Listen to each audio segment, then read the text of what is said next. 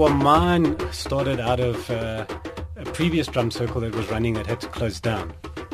Um, drum circles have been going around the world for many, many years, so it's not a new concept. It's just that locally uh, there were very few around, and the one that I used to participate in ended up closing down because they were going to develop the land.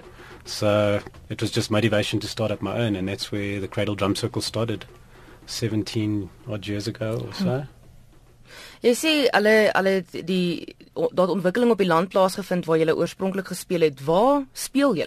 Dit klink natuurlik of dit in die buitelug is. First prize is outdoors where you're under the stars and you can have a fire going.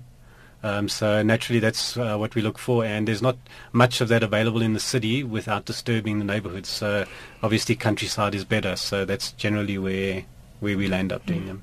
Vertel ons van die die die trom wat jy gebruik. Want as mense nou dink aan aan tromspel, is dit wanneer dit in 'n orkes is, wanneer dit in 'n band is, daar's verskillende tromme, dis stokkies gewoonlik, maar hierdie is een trom en jy gebruik jou hande. Shane Well, the drums that we use at, at the drum circle um, are generally um, djembe drums. It's spelled D-J-E-M-B-E. It's not a South African drum. It's actually a West African drum.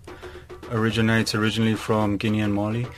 Um, but it's become a very popular drum around the world because of its ability, well, the, the, ability to play it and create rhythms from it really easily.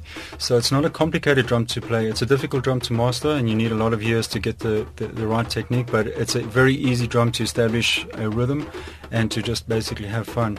So this is why um, we use them in our when we work with corporates. Um, it's it's just so easy to play and to, to really have fun with. So yeah, it's Nou, wanneer mens kyk na 'n uh, 'n musiekinstrument, 'n viool of 'n klavier, jy het bladmusiek wat jy voor jou lees. So jy hoef nie regtig die die melodie te memoriseer nie, want as jy kan musiek lees, is dit daar. Met hierdie is dit 'n ander situasie.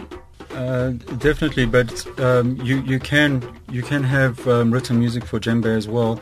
It's not specific as in uh, notes, but there is three distinct notes on the djembe, which is a bass, a tone, and a slap.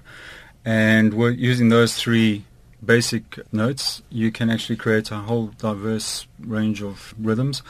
And um, there's been many people that have written djembe music. I've actually created a system which works for me when I when I teach people as well. So I have written notation, and it basically gives you the timing of it, and you can see what you uh, what bass or tone or slap you're supposed to play and when. But it's not like you know, it's not like it would be a, a, a D sharp or and you know you play an E. It's n- nothing like that because it's a percussion instrument, you know.